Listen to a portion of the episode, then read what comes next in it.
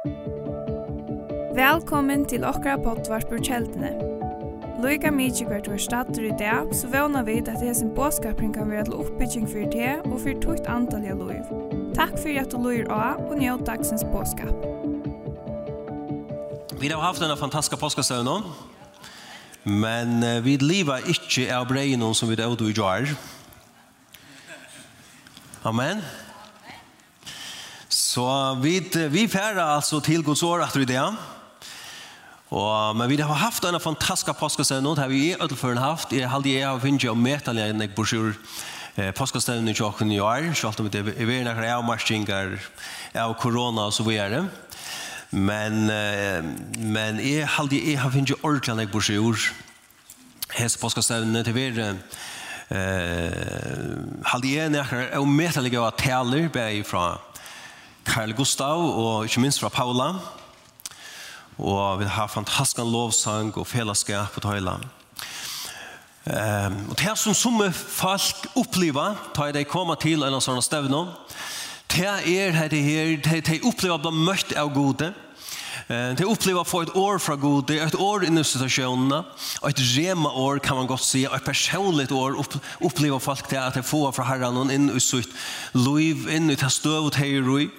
Og, og de flere opplever det her blant møtt av gode og i døgnet sånne støvnene.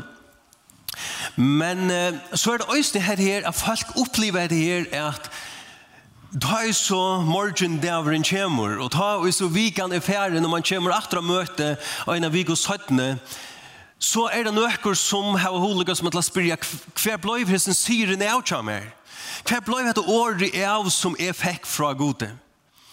Og nøkker kanskje kjenne til det, føler det så at, at det er mistlugga som heter året her, det er mistlugga som heter, heter flåje, som, som det lukka som, så hattene som det kom på, at er å til nærværen i øy som det opplevde kanskje av møtene og jøkken og jøkken lovsangen, og så videre, så kanskje, nå nu mest er ikke til langer, det er måla morgenen kommer, et eller ta i jøkken vikene.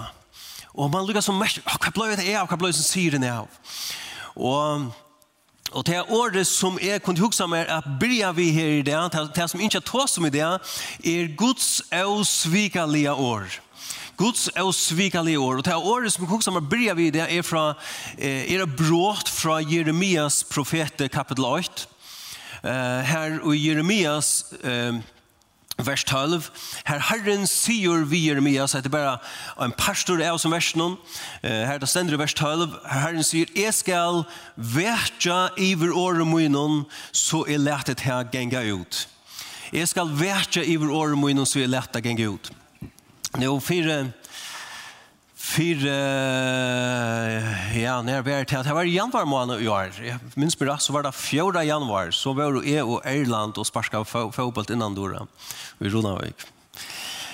Eh det är så läs att vi först så släppa vid gamla och vi först vi. Vid dinosaurer Irland. Vid Vi släpper vi vi först sparka fotboll innan då vi sån unga mannen. Det var flyger från fra samkomne, så var vi til ta og sparka på alt. Men, men det som så hendte, det var til at 18-20 minutter, vi sparka en tøyma, til noen som ikke er så fotballskøen, så, så sparka vi fotball en tøyma, og, og så, blas ut her. Jeg halte jeg vi mannfolk, vi har bruk for tøyene i midtelen. Til, til, vi måste säga, nu helt man till man är så öle gåor till det man blir blir vit vad det alltså Jeg var ikke til Irland i årlig år, men jeg halde til at jeg, til at jeg ble bøyen vi til er kanskje at jeg tar mangla, tar mangla, eller først fæta nok nå. Men jeg er ødelig for en glæver og lykka vel. Men det er et her, det var 4. januar, det var det, og man li, man har ikke annet gjørst ut for viker enn etter, det var det, og lykka som, ja, sydstittler, og Og så narskast man holdt rusht, var det, og så fer man her, man heldur man kan gjøre det samme som Ottenfridsberg, var det, og Ja, 18-20 minutter så fikk jeg skia i bøyne. Og jeg var ikke hva. Ja, det tog ikke lagt henne. Men 18-20 minutter fikk jeg skia i bøyne, og jeg, jeg, jeg fikk av metal i bøyne. Til videre hos er det man får få ilt, altså. Det får rævelig ilt. Og jeg fikk rævelig ilt i bøyne. Og jeg fikk så ilt i bøyne, jeg fikk... Ja, jeg fikk, jeg fikk ikke runde, og jeg fikk mest mye gynnskje, så og man onkel rönde för färt jag onkel rön at at man sparska firma här på inte men det var ingen som kunne dela vilte men så er det som jeg følte følte följde nöjt at det var vi tills det så är stilla mig mål och här här var här var fiska på inne fullt att stå där mål och skott mig och ran till att är bara att här man skulle stracka ända foten så så fick jag virkelig helt. Og det var veldig som uh, av bøyden og 18-4 av kyrkan og vinsemøyen. Men eh, Åren, jeg var ferdig, jeg sparka bølt, og som jeg gjør det nesten hver jeg ferdig, tar jeg spiller spillbølt innan døra, og tid her er at jeg, jeg heter alle som følger med alle som sier, men, at jeg må ikke sier, men jeg føler må si det, men tid her at jeg blir herren om at jeg må være et vittne her som gjør. det. At jeg må lukke som være et ljøs, og jeg må være vittne for uh, hinar mennar som jeg sparker bassan vi. Og det er det her at jeg Vars kan det bli så högt och man kan, kan, kan man se forskjellig, for så er det, ja. Men, men jeg så alltså be herren om att jeg kunne være vittne för han øysen här hentet det igen. Och det var og så händer det här og man färskear och så er det och, och ja, ja, man klarer seg så halvt ut här. Men tar vi så ned, ner, uh, tog var av och liksom är ferdig haltande ut. Så kom en tanken till mig Men Olaver, Du har en møvelag her nu til at at handla på mot år. Og så er røpte trutjar av mannen her fra samkomne, Jeg halte av Bjørkvinner og Fruje og Stefan Aldje. Og jeg sier vidt av, tar vi ser ut som vi ofte gjør her av bunchen, som vi syner av, eller, syner av, av her, eh ta var några är män som kommer sparka boll här ta men men vi såg där så bunch nu så så så ser vi tar så jag kunde inte spela händer om här point och be för mig. Och tar Jordan så tar på en bön vi i trick för mig här. Och vi tackar gode för grejen. Och jag vill säga att tog bättre här bilen som kommer automatiskt gir annars all tjejer klara korsdagen. Det har brottet så inte att han och att ta bønnen akkurat her og ta, men, men, men jeg vil vittne lukket om til at jeg ble grøtter. Men, men da jeg kom hjem til kvalitet, jeg, jeg fikk best som ikke gikk, og jeg gikk og gikk trappen her, vi er så holdt det om jeg til pinnefullt. Da. Og det var tre rett rett tid, tid kjenne kone min, hun, hun elsker meg, hun er ordentlig gøy med, det var et hun tekster ordentlig vel av meg, Men når hun ser til at jeg kom i halvdan hjem fra en fotbollstist, så... Ja. Ja, det är det. Her er ikke så rævlig enn jeg vet lukka som het her som vi ofta kunde hugsa okkur som en det var ett man hever så jävligt det ett och är inte en klämma för att va men men men men Louis Camille det var så Så får man til herren.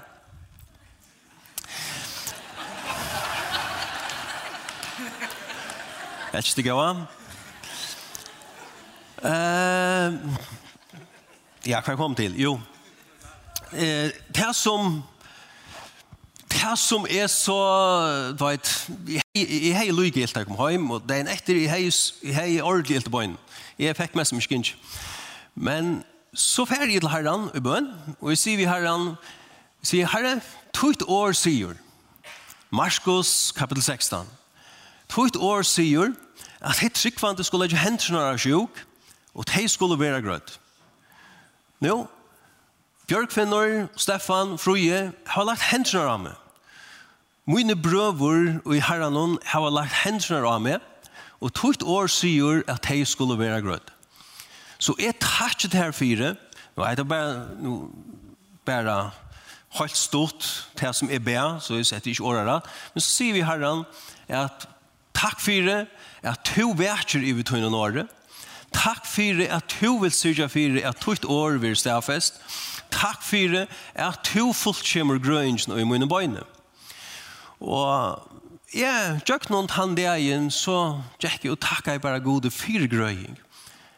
Nu, är hej akkurat loik helt som, som åren, eller, ja, som det er en fyre, og han det er inne, om jeg fikk henne skjene. Men, men jeg tjekk og takk jeg herren han det er Og jeg, men jeg blir følt at jeg er, hva skal jeg, her er altså bedre. Og han neste dagen, 18 år, altså tvær det 18 år, ta kundi altså genga med en spasertur på 2,5 kilometer syska. Og nu, som sier, hetta var ikke noe øyelig alvarsamt. Altså, jeg, jeg, jeg var ikke vi med dodja, det var jeg altså ikke, det var jeg da, det var ikke så såret. Kjalt det føltes, det var jeg hei rævlig helt, det var jeg da. Det føltes som om, men, men, men, altså, det som jeg vil bare oppmuntre deg til, vi har som visst på nøysen, det er at Guds år virker. Amen. Guds år virker. Det skulle ikke hente noe sjuk, og det skulle bliva grøtt. Amen. De skulle bliva frusk. Så Guds år virker, og vi kunne handla på Guds år, og vi kunne og i trygg vi standa på Guds år, at nå har vi det blivet en byen fire i øsne, og prøys og takka Gud, og Gud vil syrja fyrir at hans år vil stedfest, at hans år eh, gjer det som han hever sett til å gjøre. Amen. Halleluja. Jeg halte at det er fantastisk hvordan Guds år virker. Og ta i vidt handla på Guds år, hvordan det er eh kvosso ta ger ter som vi säger som som han har sent att göra. Eh Guds år som vi säger till är osvikaligt. Till er osvikaligt, det sviker inte vi gör någon. Eh till helter, till ständer, eh till ta ta heldur Bibeln sier ta ta verur allar evir. Og ta kemur standa Bibeln sier eller Jesus sier om så himmeljør eh, forgenga så skulle or mine ikkje forgenga. Amen. Da sier han Lukas kapitel uh, Lukas kapitel 21. Om or han sier om or om skilda om himmel og jør himmel og skulle forgenga sier han. Men år mine skulle alls ikke forgenga. Vi øren åren, hvis du bygger ditt liv av Guds år, så kan det føles som om det er at alt rundan om det kanskje uh, ræplar, uh, fedler, etla, etla brottnar og så videre. Men to være standande om to bygger til et lov av Guds år. Amen. To Guds år være. Guds år verur og Guds år kommer å halda det her oppe. Guds år er en, en klettor kan man godt sia, og i stormen, eh ta og i to erst og i trobløygon rundt om, ta det tors først. Eh ta egos år som ein klettor. Salmor 2 trus og og vers 6 sier eisen såleis at øyne han god er klettor mun og frelsa mun borg mun. Er skal ikkje vikast. Amen. Så om to velur at bytja tuit liv og herran, Og hans år, så vil hans år være som en kletter ut hun løyve som gjør til at du ikke vikast. Sjalt om ta, vi ta ser ut til, ta virka som om til at alt rundan om til eh, gonger, eh, etla, etla fettler i grus og, og, og såra sundur. Tu skal være standande, er at tu bytst ditt liv av Guds år. Amen. Jeg leser i eh, eller i bøkene tja ser what to do when faith seems weak and victory seems lost omsett til nøkkelunda hva at ein kan gjøre at tryggvin synes veik og syren synes at kvarva. Her sier Kenneth E. Hagen som døy i 2003 fra en hending som får fram i Amerika og, og han forteller fra ut i bøkken, han bruker en illustrasjon om Guds år, men her forteller han fra en hending som får fram i 1900 og halta var 32, eh fra en uh, luftballon eller en sånn stor luftskipe som var til hver for enklere å gjøre det, men, men uh, tar skulle ha en framsynning, vet du, Og her var øyne folk komne hitje etter oss. Det var en 20.000 folk som var komne hitje etter oss nere, større luftskipene. Og, men det som hendte, det var, det var som ikke til noen, så var det nok snakk vinter, og snakk ta. Men øyne av oss eh, tross noen, og sånn her, eh, sånn her, to enten noen slittnei. Og fløyre, og det luftskipet, det blir jeg litt av fra, og, og fløyre, altså mannen, tar, tar arbeid vi i luftskipet, tar helt og isen enten, og tar blir litt opp fra øysene. Eh, fløyre, dott nyer, og fingo skea, og i tog etter hente. Men, men, og, og fløyre, som tog enden, tar blir så slittna, og, og, og luftskipet, det blir bare fra langer, langer fra. Det var noen menn som var inne i luftskipet, og Men han skipet her kom, eller luftskipet her lukket som fjord så mye lengt opp at um, det var trutjer, det var trutjer av som mannen som lukket som ble vi halta ui som tog enda noen. Og, og, og tvoir av tøymon, tøyr fotlo som nyer da, klarer ikke halta til endan, tøy da Jack så lunge, og tøyr døy og så. Men, men hesen øyne, han ble vi halta ui som tog enda noen.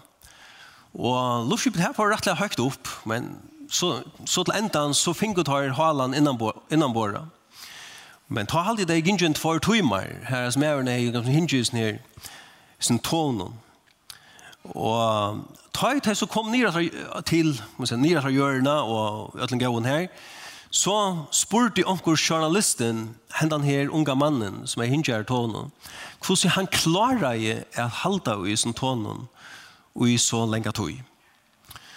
Og ta sverar han atur at jo, sier han, ta i luftskipet var kommet så mykje lengt opp fra at jeg sa til at det var omøvelig kja mer at sleppa og leipa av her, så, så gjør de av at vikla meg inn ui enda tå endan. Så at jeg var bunden ui sin tå endan. Og han sier, det var uverlagan slik jeg som helt i sin tå endan, men ta vær tå endan som helt mer. Og, og, og Hegen brukar så hese her eh, illustrationerna om at her er vera stärsk og i herranon og ikkje i okkar egnu kraft. Er at ta vi vid eh, ta vi vid halt okkon til årgods og fyll okkum vi guds året ta vil årgods vera just som hesnir to enden som heldur okkum oppe ta vi vid koma og stormar ta vi koma og i trobleikar Amen at jo, det er en, en suje av oss nere at vi skulle halda fast vid Guds åre, men ta oss som sier, ta vi koma og tar for tøyer, ta vil Guds orð vera som hans nere to enden, som helder okken oppe, som helder fast i okken, og som ber okken, amen. Etla som Solomon sier, at to er klettur min, at år Guds vera ta som en klettur i okkara løyve, som vi kunne som vi kunne kvila. Amen. Halleluja. Så god han verkar i sin norr till det här som vi kan huske mer är att att finna fram här det att god verkar i sin norre, eh så är lärt det här gjenge ut sedan Jeremias 8:11 Jeg skal verka i min norre, eller i året min, så är lärt det här gjenge ut. Och til här vi gör en år til god verkar i sin norre, så glemmer han inte et år. Amen. Han, Bibelen sier om god att Salmur 101 med landa, vers 4, er Herren, han blundar ikkje, han som, eh, han som værar eh, Israel, sier Orgods. Så Gud svever ikkje, han blundar ikkje, han, eh, sve, han, han heldur å vekje eia vi sunnen falskje, fyra væra til, men han heldur òsne å vekje eia iver sunnen åre, fyra syrja fyre, at det gonger i oppfyllelse, at det gonger ut, at det blir stafest i okkara løyve. Eh, mer damer ekla vel og skrifte eller et år her fra fyrra kongabøk øysene kapitel 8 og vers 6 alt rush til en parser av bønene til Salomo eh, Salomo konge og, og, og i disse bønene her sier kong Salomon eh, vers 6 alt rush ja her sier han lova vår ver i Herren som hever give Israel falskesund fri så som han lova i Ikke åkt år hever svitast av ötlun hinun gau åren og i han i vi Moses i tænare synen. Han sier ikkje åkt år hever svitast av ötlun hinun gau åren og i han i vi Moses. Amen. Halleluja. Så god värter i sin norre, det här som er ikke at virkelig at du skal få fætra, at god värter i sin norre så at han leter til å gjenge ut. Og, og som Salman sier, at ikke åkt av honom norren som god uttalar ta hever svitast. Amen. Alt tjekk ut som god tala i vi Moses. Og ta vil han øysen syrja fire, og i tøyne løyve, ta år, til lyfte som god djever til Han vil være ut som i Norge, så ta gonger ut. Amen. Ta, ta lyfte som to er finnes for herren, Ta lyfte som to er tids til døgn, Ta lyfte som er tala inn til år, til løyve, som to er tids til døgn personlige, og som to bytjer tøyt løyve. Amen. Amen ta vil halta. Og Herren, herren vil syrja fire at ta verur stafest, at ta gonger ut. Amen. God sviger ikkje så i år. Amen. Halleluja. Så vi bytjer ikkje okkara liv og okkara kjensler. Vi bytjer ikkje okkara liv og okkara omstøver. Uh, vi bygger ikke akkurat liv og penger, eller økonomi, eller og, og, og gjerriskan, etla materiellan tryggleika, vi bytjer akkara liv av Guds år. Amen. Og om vi gjør at her, som vi sier, ta koma vid til standa, ta og stormar løsens koma. Halleluja. Um, Eh, jeg husker i øyne med her, at alt som kom nok snakk fram av påskastøvnene, eh, det var dette her, at det som er, alt det som er skjønnligt, det kan eh, brøytast. Da? Eller alt det som er, eh, alt det som er skjønnelig, det er underlagt brøyting. Ja? Det kan brøytast. Eh, det var ofte alga som at de tingene som Jack jöknon eller Jack och jöknon alla påskastövna tjocken amen bäi talna talna tjock Carl Gustav och Östra Paula och jag kan huska mig vid Luka förra till Hebreerbrev kapitel 11 Hebreerbrev kapitel 11 Uh, och läsa vi kan läsa från vers 8, men till sälja vers 3 som vi ikke att vi skal lese til mest sier det. Men här ständer Hebreerbrev 1 8 säger att trygg är fullt vissa om det som vevna verur, sannføring om det som ikke sast. Amen. Så trygg er en sannføring om det som ikke sast. Det stender ikke at trygg er en sannføring om, og, og, det stender, stender ikke at trygg er en sannføring om det som ikke er til. Så det er trygg ved en sannføring om det som ikke sast. Amen. Men så stender vers 2, for herna vært her jo i gamle, fikk gåan vittnesbord. Vi trygg, sier vers 3, vi trygg fæta vidt at heimeren er skaptur vi året gods, så det ikke er av henne skjønnelige, det som sast er våre til. Og det er særlig hatt av verset her som vi ikke lukker døyla vidt her, bare holdt stort. Og det er at heimeren det som vi suttja, han er våren til av tog som ikke sast. Vi åre gods vi åren åren. Amen. Det som sast er våre til av tog som ikke sast. Amen. Det som sast, hesen høymeren vi åren åren, han er våren til vi gods åre. Ta vi god skapt i høymen, Ta, vi leser her i 1. Mosebok kapitel 8 er at ta sier god, god taler og han sier og ta vær. Han sier og ta vær. Han sier og ta vær. Amen. God skapte heimen, alt det som vi sutja. God skapte det vi sønne innan. Og det er et annet som vi leser øysene, og i Fyrst Mjølsborg kapitel 8, og tid til at ta god sa det som han har skapt, så, så ser han at det er godt, at det er sera godt, det som han har skapt. Så at Gud skapte ikke nekka ønt. Gud skapte ikke nekka som er øyleggjande for okra liv. Gud skapte ikke nekka som hei vi deia a gjerra. Bibelen sier i Rombrand kapitel 5 vers 12 at, at synden kom inn i heimen vi øyne menneska og deien vi syndene. Det vil si alt som høyrer til deia og øyleggelse eh, det kom inn vi syndene, vi synda faddelen. Gud skapte det ikke å være så, men det kom inn vi syndene. Det som Gud skapte, vi sønnen året, det var godt. Amen. Men la meg fortelle dere et annet øsne. Det er at år Guds som Gud har skapt alt vi, det har øysne kraft og især til at enda røysa det som er fattelig. or Guds som hever skapen den høymen og skapt det skjønnelige, til hever øysne kraft og især til at brøyta det som synden hever og lagt, det som synden hever eh, og lagt og i okra løyve, eller dripe kan man godt sija, det kan Gud eh, gjøre livande aktor, det kan Gud endur nødvendig aktor, det kan kan god røyse atter vi søgnen året. Og tar vi lesa ut jøkken av Bibelna, så sutja vi det her er hans år, er, at, at Guds år er svære til okkara liv, atla vi inn i jøkken.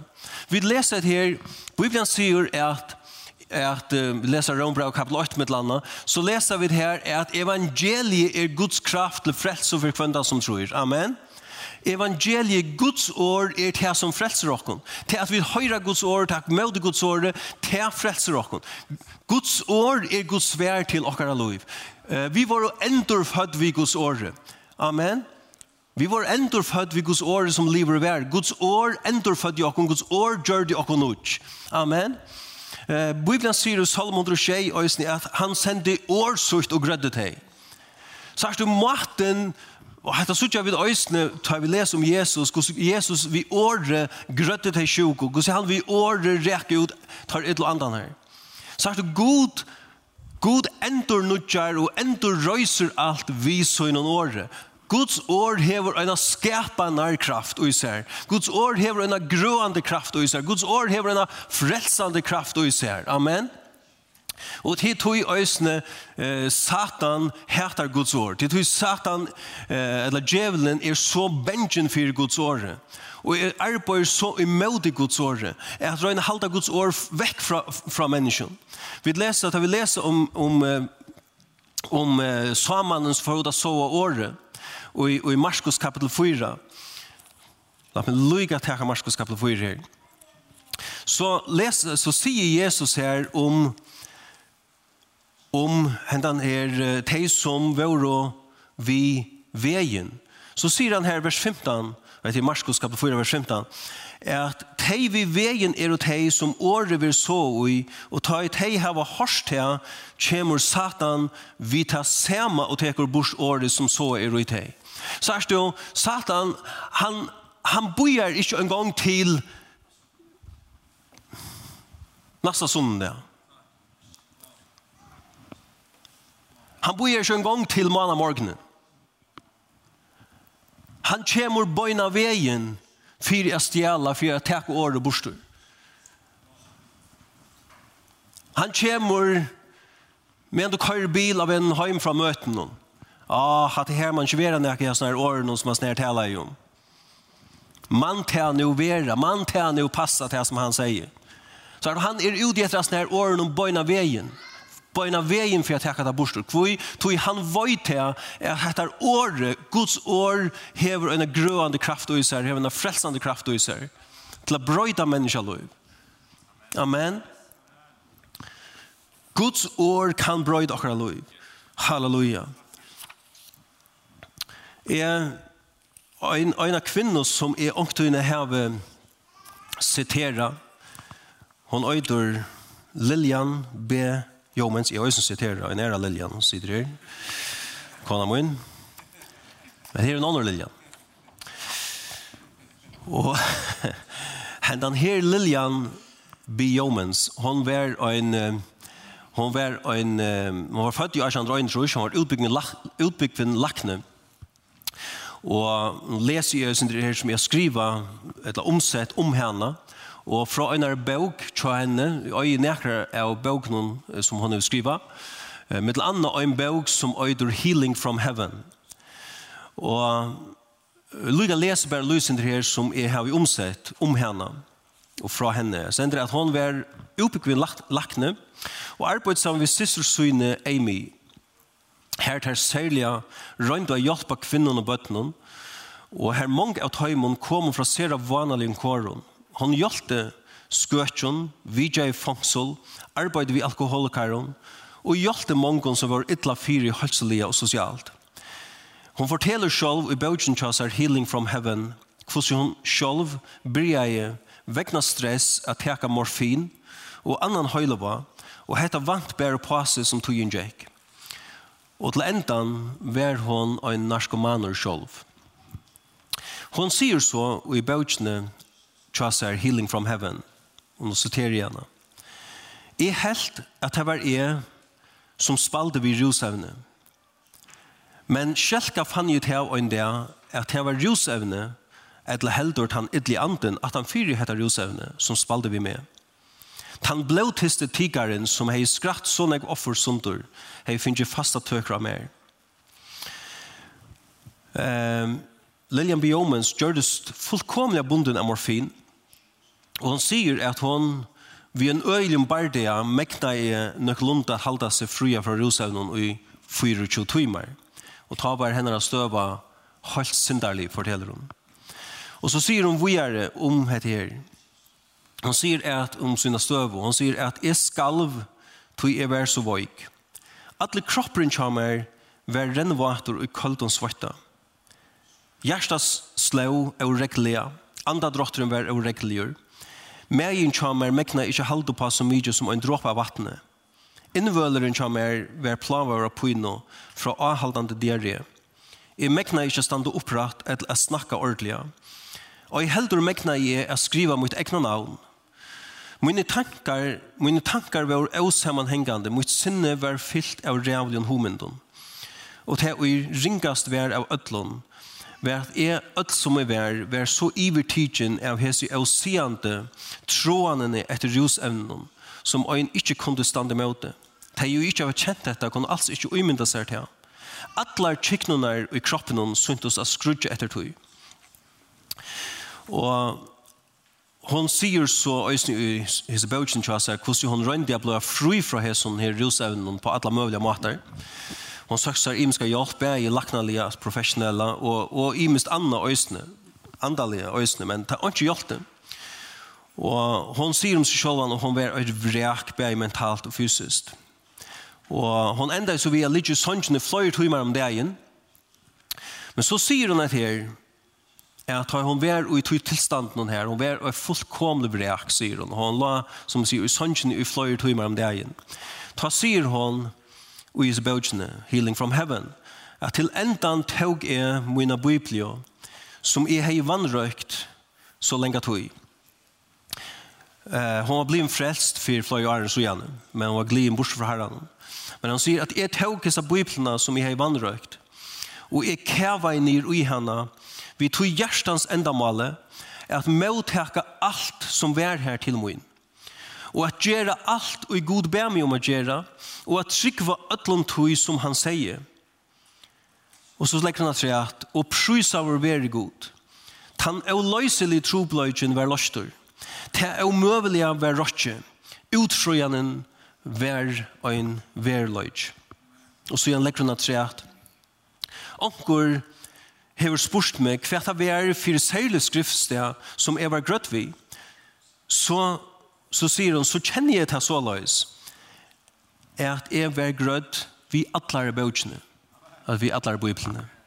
Amen. Hun sier det til vi er i Øsne, hun sier at jeg fann nekst skriftstø om grøying og biblene, og jeg åt deg, og de gjør det sutt versk. De, altså skriftstøyene, har var omgang til svitje. Jeg visste jeg var grødd, og at jeg kun, og han, og han sier, og jeg kunne skjøre vi at jeg var grødd, tog gode trofaster. Og så sier han til at jeg miste nesten avhoen for mine symptomer, tog jeg var så vis i sannløygan fra Guds åre. Rosevne for bostor, og nå kjenner år at nå sier han at, sier han, jeg, jeg vet ikke hver jeg blir av. Um, og vi er sier han øyne at han er seende langslen og troen, etter det som rosevnen var øyne fullkomlig av bort. Men jeg husker meg her, hvordan ble hendene her kvinnan her grøtt? Hvordan ble hun sett i frihøyt fra hessen her rosevnen? som hon själv säger hon, hon får till Guds år. Hon kävar in i Bibeln Och hon tog allt det här tillsyn som Gud har givit från, från, från Guds år. Allt det lyften som Gud har givit henne tar tog hon och hon åt dig. Och hon säger till att det grödjarna. Och hon blev fullkomliga frusk. Hon blev fullkomliga gröd. Och i djöknen året vi att täcka Guds år tillsyn. Amen. Halleluja. Guds år hever en avmetelig større kraft til at røkken til å gjøre oss frusk. Amen. Eh, årtøkene, årtøkene kapittel 4. Tyk vi hette kan hjelpe omkring øsene. Årtøkene kapittel 4, vers 20, sier såleis, at sonen min, gjev årene min en gator, legg øyre til til og jeg sier, Lært her ikke fære terror action, være her djupt i hjertetøynen. Amen. Være til djupt i hjertetøynen. Lært ångan stjela til, lært ångan rena til, lært ångan teka Guds år fra til, men være Guds år djupt i hjertet. Så sier han, tøy, til er øtlom tøymon liv som finna til, og øtlom lika med tørre grøying. Og til øtlom lika med tørre grøying. Onkur ensk tøying sier at det er høyle vavur for alt lika Amen. Halleluja. Takk Jesus. Kunne vi tfæra til Rombra kapitel 4. Rombra kapitel 4.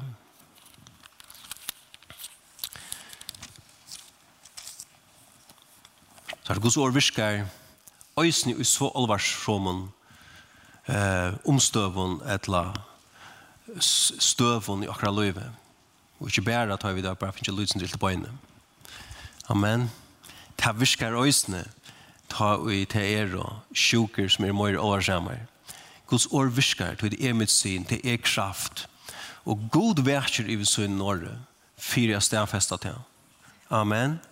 God verker i sin åre, fyra stedfesta til. Og for at det skal være en veriløyke i okra løyve.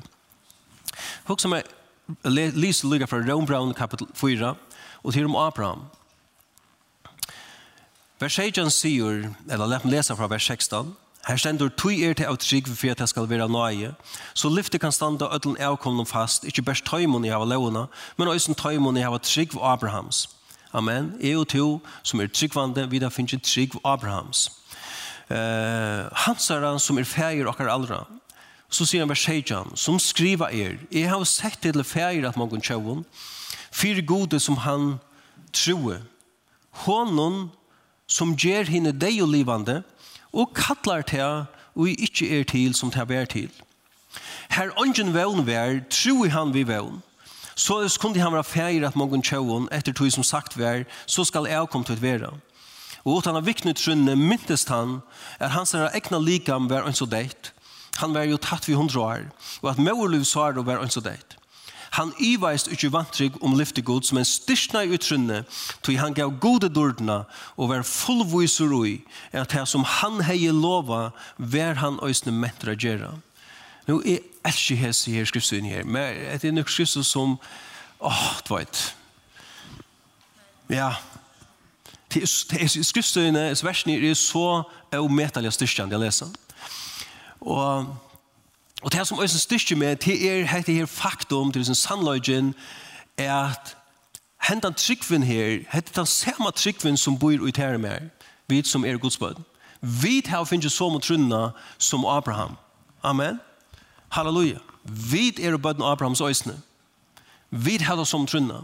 Du kan strikva, om du er baden til gode, om du er en tryggvande, så kan du tryggva av samme hatt som Abraham troer.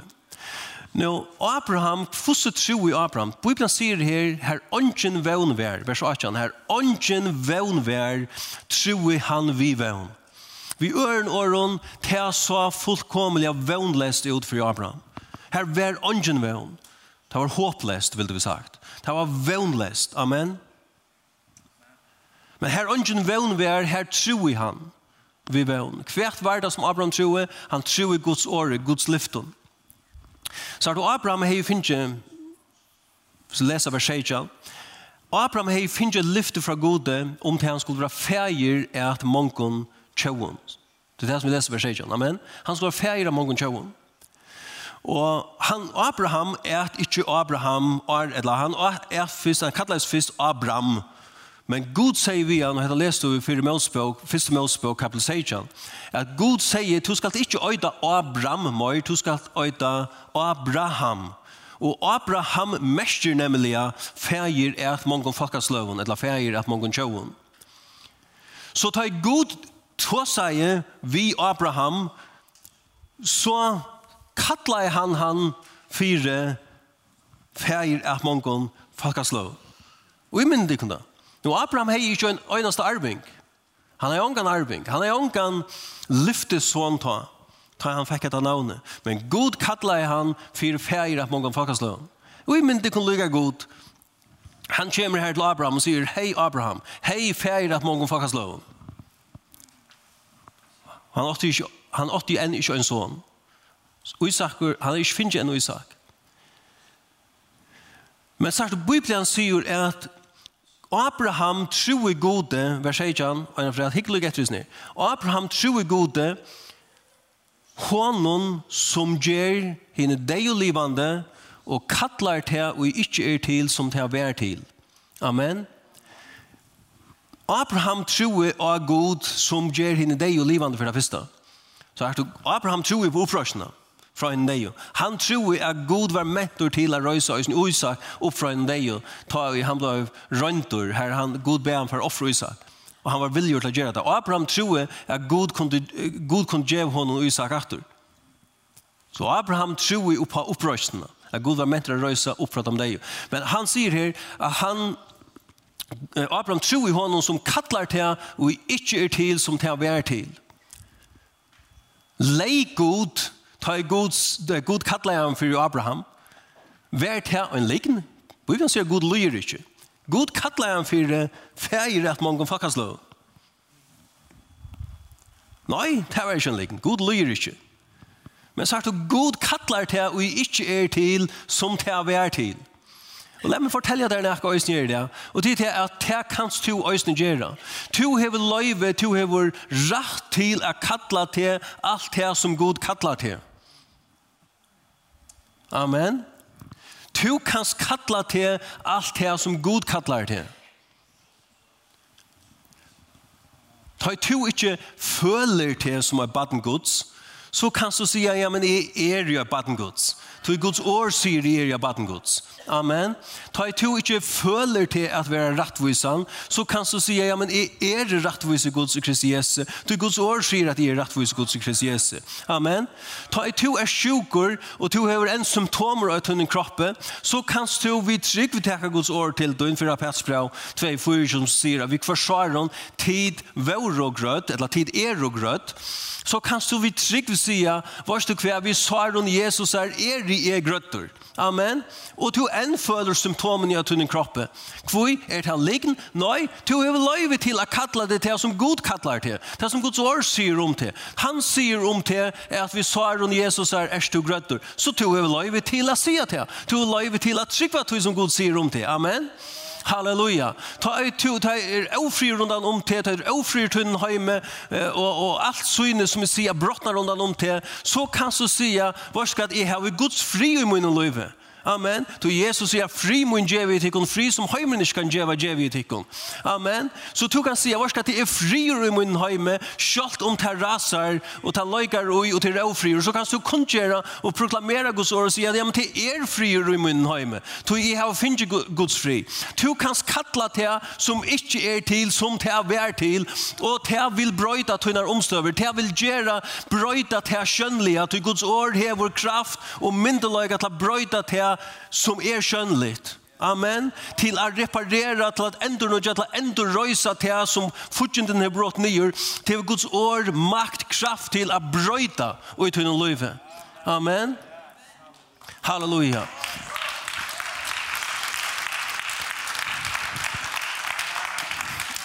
ta ui to byrjar at jotta Guds år. Ta ui to byrjar var samtor vi Guds år.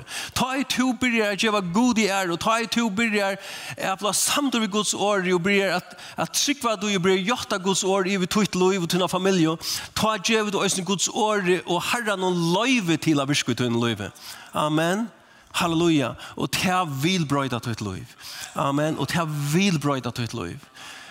Halleluja. Jeg les her søvna om eh, Rutt eh, Bell Graham, og jeg fyrrande, eller fyrrande kona, Billy Graham, kända evangelisten till världen men, men hon, hon halde hon født 20 og det er 3 1933, så hon er 13 år gammal pappen eller foreldrene våre, troboere per i Kina, Og hon forteller det her, og hon ble sendt til faktisk kostskola og i Pyongyang og i Nordkorea ta Hon var 13 år gammel, og han sier at han var nekka så rævlig, og at han langt så holdt av med et litt. Hos at de kunne bli sendt til Norrkorea kostskola ta og han kjente ikke nekran og så videre. Han forteller her hvordan hon første øyneste kvöld græt seg i svøvn. Og så sier hun det her at at hon bara var røft til god om hjelp og alt det her. Og så snakket jeg om vi en arbeidskone som var her, en, som hon nevnte, kallet jeg for Rosa, og, og be han om hjelp. Og så sier den her, den her kvinnan, Rosa, forteller henne at jeg vet ikke om jeg kan hjelpe til her. Men sier, og øyneste som jeg kan gjøre til her, og til til at to setter tukt navn av akkur skriftsted Og i Bibelen at du setter tvitt navn og akkur skriftet i Bibelen. Og Ruth forteller hette her at hon får til åtta sin indes versjon i Bibelen som er Isaias 3 Som sier i vers 5 som vi kjenner så vel, eller vers 4 og 5 som, som vi kjenner så vel, mange av oss, men sender om Kristus, men det var sjukker okkara og i han vær, Det var pyner okkar og han leia seg og vi tildo amra heimsøkta han slitt han plaven av gode. Men han var sardur for bråt okkar, han sårar for misjur okkar, straffen var lagt av han så vi skulle ha fri, og vi saren hans herra er og vid grøtt. Rott forteller etter her hos for, hon forteller etter her hos Johan sette sutt navn og hatt skriftsteg.